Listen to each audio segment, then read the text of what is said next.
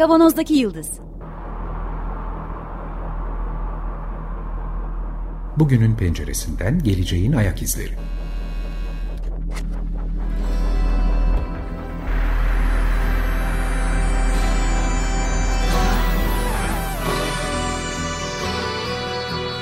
Hazırlayan ve sunanlar İsmail Başöz, Haluk Levent, Mustafa Yılmazer ve Fethiye Erbil. Zorlu Holding Sürdürülebilirlik Platformu Akıllı Hayat 2030, herkes için daha yaşanabilir bir dünya diler. Merhabalar, Açık Radyo'dayız. 95.0 Kavanoz'daki Yıldız programında sizlerle beraberiz yeniden. Bugünün penceresinden geleceğin ayak izlerini sürmeye devam ediyoruz. 19. programdır sosyal medyayı konuşmaya devam ediyoruz. Haluk'la beraberiz. Merhaba. Ben İsmail. Biz de uzaktan e, merhabalaşıyoruz. Çok güzel bir manzara var tabii Haluk'un arkasında. Çok güzel ağaçlar, çiçekler vesaire. Biraz da gürültü de olacak değil mi ortalıkta? Tabii. Onsuz olmaz. Peki. Geçtiğimiz bir iki bölümde ne konuştuk? Öncelikle privacy, mahremiyeti ve mahremiyetin bu ekonomik ilişki için e, gerekliliği üzerinden bir sohbet ettik. Daha doğrusu yanlış anlattım. E, privacy'nin ortadan kalkmasının bu Evet. için gerekliliği. Mahremiyetin mutlaka. Mahremiyet e, devam ederse, bütün verilerimiz bizde kalırsa bu ekonominin sürdürülemeyeceğini konuştuk. Geçtiğimiz programda e, bence çok önemli başka bir konu başlığımız vardı. Bildiğimiz bütün ekonomik ilişkileri tamamen kapsayan bir e, yeni biçimin geliştiği üzerine konuştuk. Bütün Yani kapitalizmin yeni bir varyantı gibi demek lazım. Evet, evet. Yani ayrı ayrı alanlarda gelişen bu kapitalist ilişkinin planlaması, üretimi, e, takibi, tüketimi vesairesi hepsini kapsayan bir şirket devlet modelinin ben bu lafı çok sevdim her seferinde kullanıyorum. Devletlerden artık daha güçlü e, hale geldiğini gördüğümüz 3-5 şirketin Facebook, Google, Amazon, Apple gibi tüm bu süreci domine etmeye başladığını anlattı sevgili hocamız Sayın Haluk Levent. Soşana Zubov şu anki son iki programdaki kaynağımız, dayanağımız davranışsal artık e, artık Evet. değer gibi bir laftan bahsediyoruz değil mi Haluk burada? Tabii tabii tabii. El koyulan bir artık değerden bahsediyorum. Marksist ekonomik söylemdeki artık değerin buradaki bir varyasyonundan. Yanlışsam düzelt lütfen. Davranışsal artıktan bahsetmeye başladık ve bugün daha çok bu noktada e, devam edeceğiz. Buyurun efendim. Evet. Yani bugün konuşacağımız şey bu mekanizmanın nasıl çalıştığı olacak. Tabii önce üç tane temel ayağı var bu işin. Onu da alıp hatırlatmak lazım. Geçen hafta da üzerinde. Davranışsal artık derken ortada dönen değerin fiyatlandırılan şeyin ve temel değer olarak ortaya çıkan şeyin bizim davranışlarımızdan, sosyal medyadaki aksiyonlarımızdan elde edilen e, veriyi kastediyoruz değil mi burada davranışsal Evet, evet. derken? Evet. Yani o veri işte e, ham maddesi zaten bu şeyin. E, bu varyantın diyelim ham maddesi. Bu gözetim kapitalizmi lafı da zaten buradan geliyor. Gözetim kapitalizmi işte gözetliyor insanların mahremiyetini ortadan tamamen kaldıracak şekilde e, veri topluyor. E, ilk aşaması bu zaten şeyin hareket noktasının. Bu yeni bir üretim süreci gibi değerlendiriliyor Shoshana Zuboff tarafından. Yani bir, burada bir bizim davranışlarımızın ham madde olarak kullanıldığı bir üretim sürecinden bahsediyoruz aslında. Zaten oradan artık. İkincisi bir toplumsal ilişkiler. Bu, bu altyapı üzerine yani fiziki altyapı üzerine kurulmuş bir toplumsal ilişkilerden bahsedip, bahsediyoruz.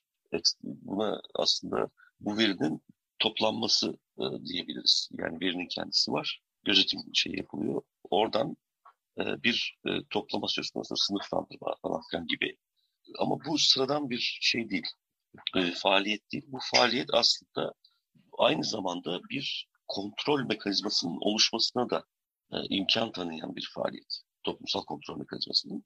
Üçüncü olarak da analiz kısmı var. Burada işte olağanüstü uzmanlaşmış, çok yüksek kapasiteli, yani hem donanım olarak hem yazılım olarak çok yüksek kapasiteli bir takım bilgi işlem sistemleri. Buna işte bir makine öğrenmesi temelli metotlarla e, bu analizi gerçekleştiriyor. Biraz daha detaya girecek olursak nasıl çalışıyor yani bu mekanizmanın tarif edilmesi nasıl mümkün olabilir diye tabii e, şeyde kitapta falan ya da e, bazı yorumcuların oluşturdukları e, grafikler falan var. Onlardan daha rahat anlaşılıyor ama ben mümkün olduğu kadar lafla anlatmaya çalışacağım. E, bir başlangıç noktası kullanıcılar. Kullanıcılar belli ölçülerde yönlendirilmiş ya da kendiliğinden oluşmuş ya da toparlanmış e, davranışları veriyorlar. Yani burada herkes biz kendi işte seninle bir program üzerinden konuşuyoruz ya da bir yerde alışveriş sitesinde dolaşıyoruz. Bunların hepsi bilgi üretiyor. E, o toplanıyor. Bir yerde işte buna davranışsal veri diyebiliriz. E, bu davranışsal veri olarak sınıflandırılıyor, analiz edilebilir hale getiriliyor. E, üçüncü aşamada analiz ediliyor.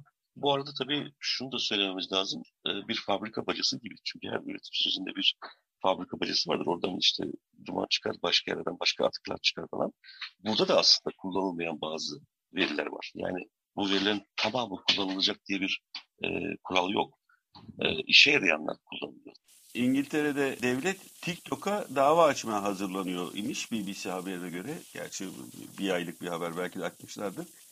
Sebebi de çocuklara ait gereğinden çok fazla veri elinde bulundurduğu için TikTok'un ve bunu nasıl kullanılacağına dair herhangi bir e, rehberi ve vadi olmadığı için bir soruşturma başlatmışlar. Tabii bitirilebilecek bir şey değil yani o kadar büyük ve geniş bir alana yayıldı ki e, bu üretilen veriler.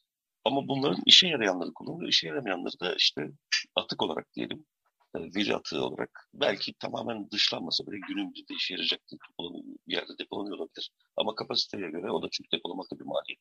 E, atılları olabilir. Üçüncü aşamada analitik dediğimiz kısım var. Burada çok sayıda yetenekli insan diyelim ve kurum e, güçlü bir donanımla bu verileri toplanmış ve sınıflandırmış verileri analiz ediyorlar. E, bu analizin çok farklı amaçları olabilir. Yani belli ölçülerde A bir ürün üretmek için, bir ürün, yeni bir ürün ortaya çıkartmak için, tekrar kullanıcıya sunulan yeni bir ürün ortaya çıkartmak için e, yapılıyor olabilir. B var olan ürünlerin yeniden ilerletilmesi, yeni versiyonların çıkartılması için e, kullanılıyor olabilir.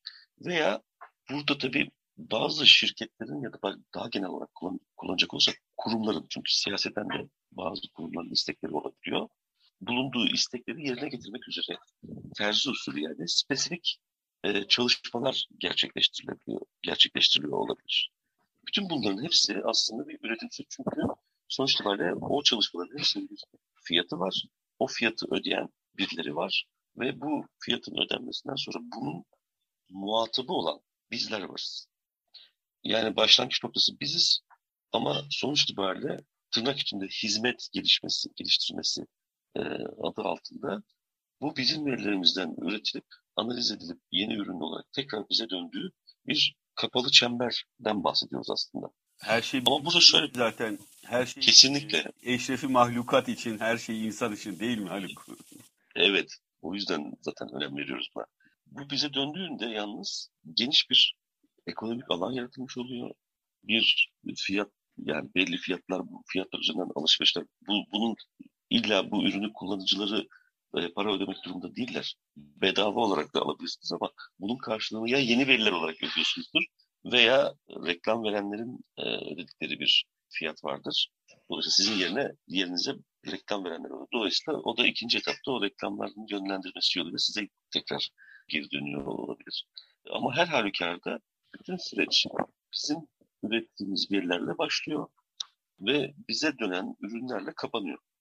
Burada tabii şirketlerle şey arasındaki ilişkiler de önem taşıyor. Yani e, bütün bu süreci kontrol eden e, beş tane büyük e, şirketler sözünde belki bunun sayısı daha geniş düşünecek olursa bir parça daha artılabilir ama sayılabilir e, miktarda büyük, çok büyük şirketten bahsediyoruz. Bu sürecin tamamını kontrol eden e, ve hep altını çizmeye çalışıyoruz. Bence kitapta yeteri kadar altı çizilmiş değil. Bu iktisadi kontrol sisteminden bahsettik. Bir artık üretme mekanizması olarak Sosyalizmof'un yeni varyantından bahsettik ama bir de bunun toplumsal kontrol tarafı var. Bu toplumsal kontrol tarafı da belli ölçülerde devletin şimdiye kadar üstlendiği e, şeyden çıktı. Yani tek başına artık devletin bu toplumsal kontrolü gerçekleştirdiği sürede bizatihi de organik olarak sermayenin doğrudan kontrolünden bahsettiğimiz bir e, yapıya dönüşmeye başladı. Dolayısıyla bu çok ilginç. E, bu bence en önemli şeylerden bir tanesi. Çünkü e, kapitalizmin ayırıcı özelliklerinden bir tanesinin ortadan kalktığına dair bir işaret. E işte bu toplumsal kontrol ile iktisadi kontrolün e, kurumsal olarak ayrışmış bir yapısı söz konusu kapitalizmde. Çünkü kapitalizm öncesi ekonomi biçimlerinde bu iki kontrol türünün üst üste bindiğini, yani şirketlerle devletler arasında bir dirsek teması var. Elbette ki işte burjuvasi ile devletin kurumsal yapısı arasında bir e, sıkı ilişki var ama bir özellik var yani. Yani bunun e, daha doğrusu bu, bu, bu, bu ilişkinin çift yönlü işte siyaset biliminde hep bir atıf yapılan işte çok analiz edilen bir şeydir. Görece özellik kavramı vardır işte. Ne kurallar konur, o kuralları açık ihlal eden bazı şirketler işte ceza alır falan filan. Ama burada şirketin dışında, şirketin bu faaliyetine yani buradan ürettiği iktisadi gücü, iktisadi kontrolü ve toplumsal kontrolü denetleyebilecek güçlü bir organ kalmamış oluyor. Çünkü bir de bunun uluslararası bir alanda yani doğrudan doğruya milli sınırlar içerisinde hapsedilemeyecek bir alanda gerçekleştiğinde düşünecek olursak bu kontrolün ne kadar zor olduğunu da hayal edebiliriz. Şimdi bir parça... Sen o bir parça geçmeden şey söyleyeyim. E, bunun söylediğinin örneklerini şuradan görüyoruz. E, devletler siyasi alanda kontrol edebilmek için bile e, tek bahane kullanabiliyor görebildiğim kadarıyla. Vergi evet. alabilmek için işte temsilcilik açın, biz istediğimiz zaman açalım kapatalım ama kullandıkları bahane işte vergi vermiyorsunuz vesaire diye. E, bunu söyleyebiliyorlar. Sadece şirketlere en azından Türkiye'de böyle olduğunu çok net gördük. Buna karşılık bunu da tam gerçekleştiremiyorlar çoğu yerde de açıkçası. Şeyde de, evet. Cambridge Analytica sorgulamalarında da gördük. Sorgulandı, geçti, bitti. Hiçbir herhangi bir büyük bir yaptırım yapılabildiğine tanık olmadık yanılmıyorsam e, İngiltere'de de Amerika'da da. Evet. Yani bu burada şunu da söylemek lazım belki. Bu diyelim ki ceza verdiniz. Yani ceza ne olabiliyor? İşte artık Türkiye'de faaliyet gösteremezsin diyor mesela herhangi bir büyük şirketin e, bir programı için. Ama insanların o programa erişme imkanı yüzde kısıtlaması söz konusu olamıyor. Yani falan. Yine e, o sistemin içerisine girebiliyor. İkincisi e, yine kapitalizm öncesi ekonomi özellikle feodalizmde olduğu gibi kullanıcıların yani bizlerin gönüllü ve çok istekli bir tutumu var. Dolayısıyla bu, bu gönüllü katılım bir analoji kurmak gerekirse ya da karşılaştırma yapmak gerekirse feodalizmdeki serf-lord ilişkisinin bir benzerinin modern dünyada yeniden üretildiği bir durumu ifade ediyor. Çünkü feodalizmde de serfler güvenlik arayışı içerisinde lordlarla gönüllü birliktedir. Yani ben toprağa bağlı olarak çalışan bir insan olarak sizin korumanız altına girmek istiyorum.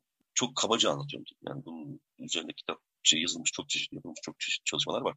Ee, ama böyle bir gönüllülük ilişkisi çerçevesinde yani çünkü e, feodalizm köleci toplumun ardından ortaya çıkan bir toplumsal sistem var. Bizim tahayyülümüzde hep şöyle kalmıştır. İşte lordlar e, ya da ne, ne bileyim ben toprak ağları falan filan gidip zorla insanları köleleştiriyor falan. Başlangıçta öyle değil.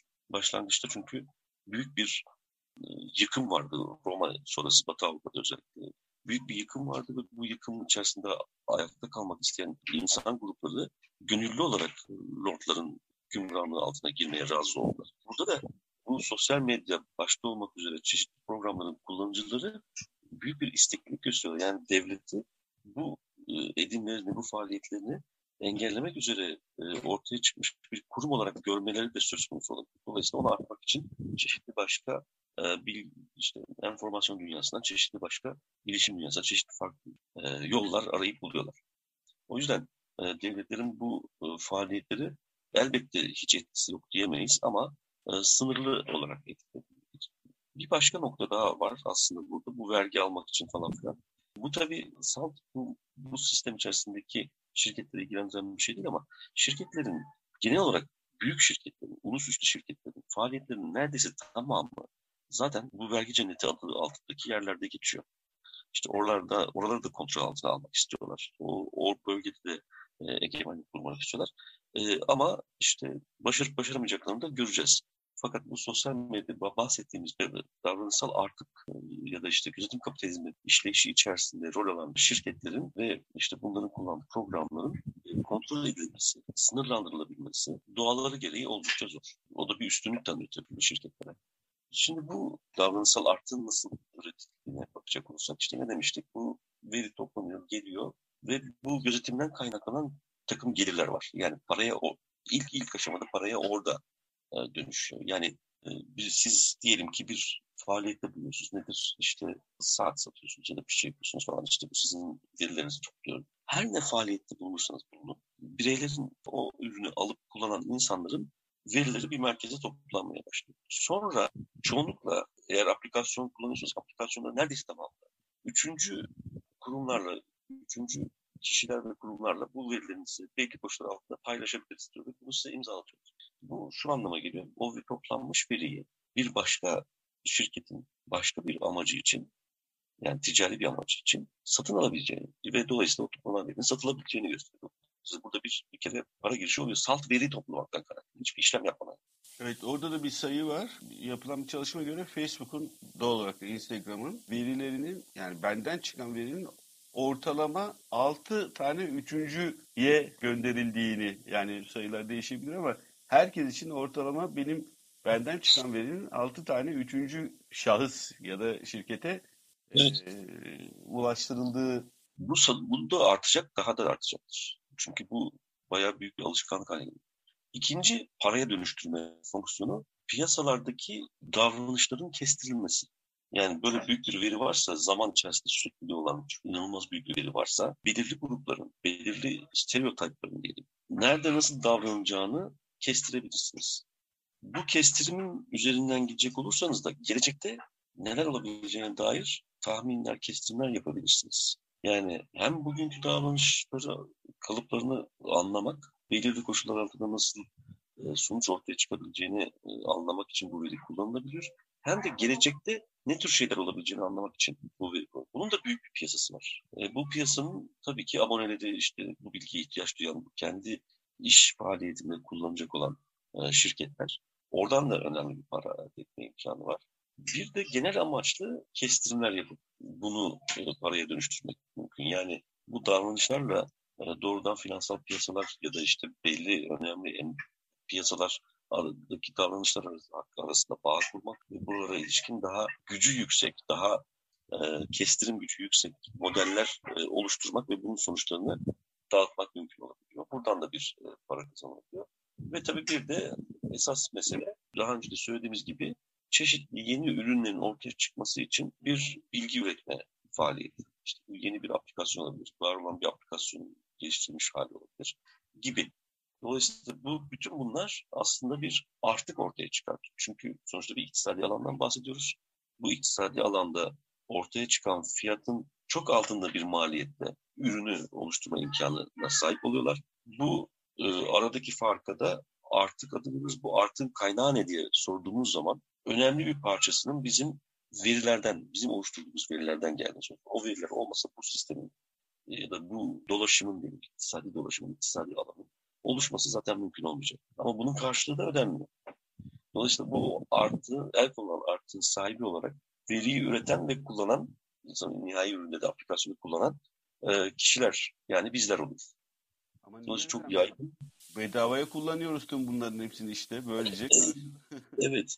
O bedava kullanımın fiyatını ve o fiyattan oluşacak değeri ölçtüğünde bu ekonomik alanın küçük bir parçasının olduğuna ait olduğunu göreceksin. Çünkü asıl sözünü ettiğim, biraz önce sözünü ettiğim bu paraya dönüştürme noktalarında elde edilen miktar çok çok daha büyük. Bence şöyle olmalı Haluk. Bedava kullanmayı geç. Biz para istemeliyiz bu durumda senin anlattığından. Çünkü e, tabii.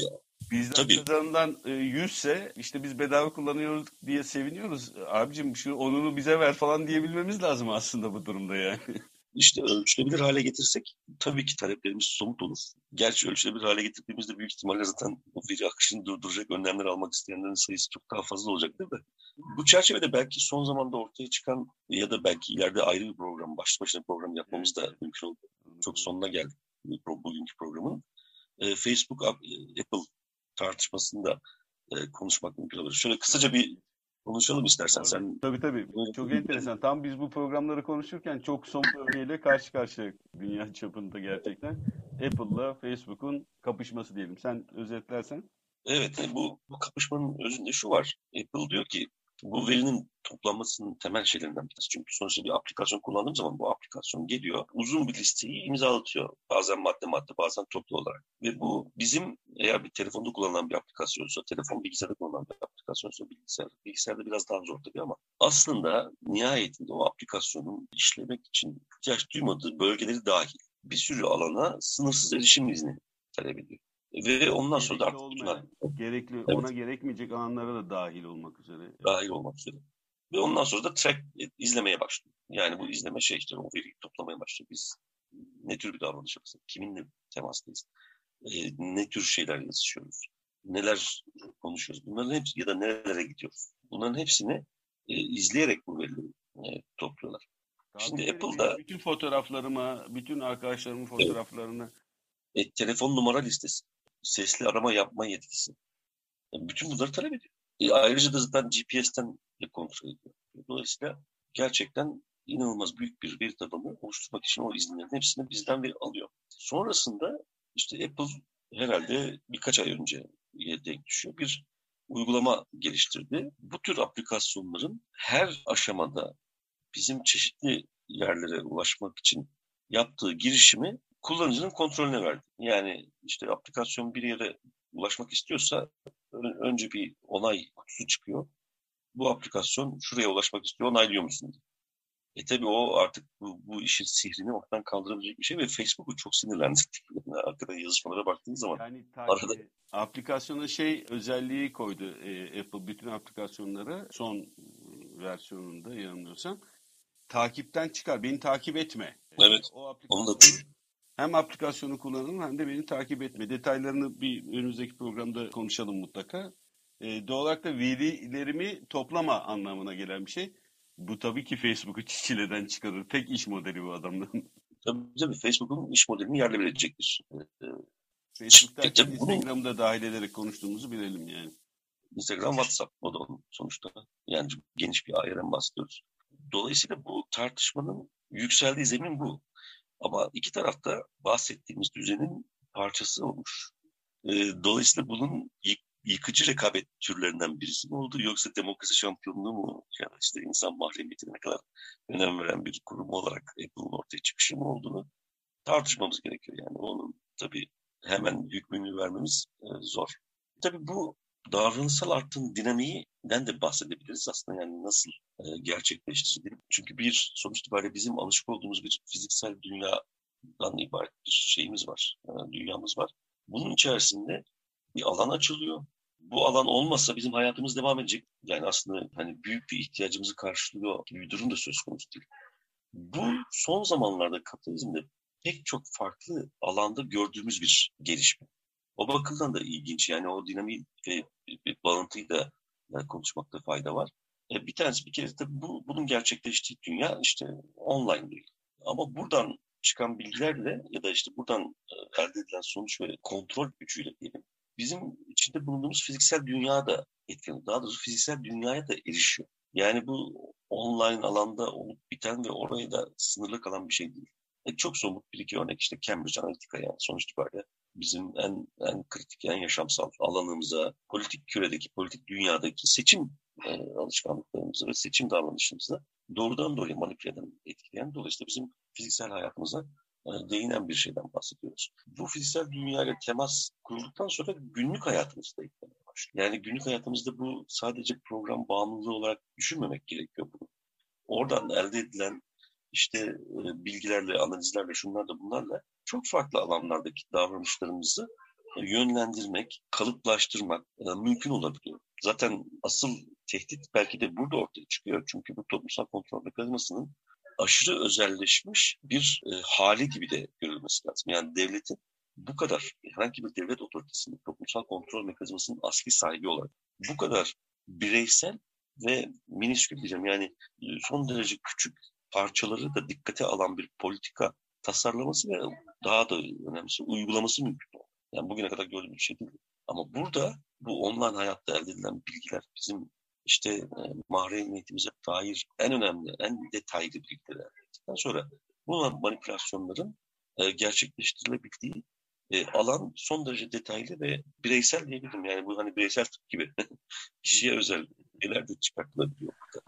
Bu online faaliyet ile fiziksel dünyanın bütünleşmesiyle beraber insanın kendisiyle, kendi vücuduyla, e, yani kendi fiziksel varlığıyla benim artık ona, kendi fiziksel varlığıyla kurduğu ilişkide de bir eğilme, bükülme ortaya çıkabilir. Yani bunu tabii ele alabilecek kadar yetkin değilim belki daha detaylı. Belki de Levent'in bir daha çağırmamız gerekecek. Bunu konuşuruz. Gerçekten üstüne konuşabilecek detaylar aklımızda kendimizi zor tutuyoruz aslında bir yandan da e, detaylarına dair. Evet, sosyal medya üzerine yaptığımız program serisinde Soşana Zuboff'un Gözetim Kapitalizmi ismi kitabını e, temel alarak ve üstündeki yorumlarımızı da ekleyerek e, bu seriyi devam ettirdik. Önümüzdeki haftalarda birkaç program daha yaparak bu seriyi tamamlamayı artık plan, planlıyoruz. Bu haftalık bu kadar. Yine her zaman canı gönülden yaptığımız teşekkürlerimizi, verdiğimiz teşekkürlerimizi bu programın size ulaşmasını sağlayan bütün Açık Radyo çalışan arkadaşlarımıza iletmek istiyoruz. Program destekçimize çok teşekkür ediyoruz. Haluk'la beraber ben İsmail bu programı size sunduk. Önümüzdeki haftalarda tekrar görüşmek üzere. Sağlıkla kalın. Bu arada teknik problemlerimiz bugün baş edemediğimiz boyuttaydı. Sesle ilgili e, bir miktarda affınıza sığınıyoruz. Bazen böyle oluyor diyelim. Geçelim. Evet. Hoşçakalın.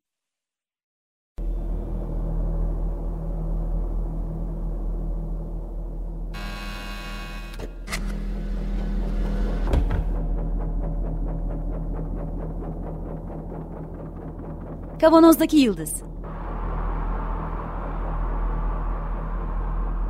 Bugünün penceresinden geleceğin ayak izleri.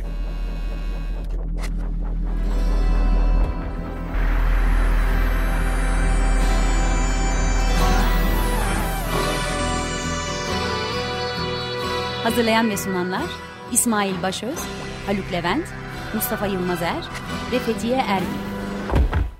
Zorlu Holding Sürdürülebilirlik Platformu Akıllı Hayat 2030 sundu.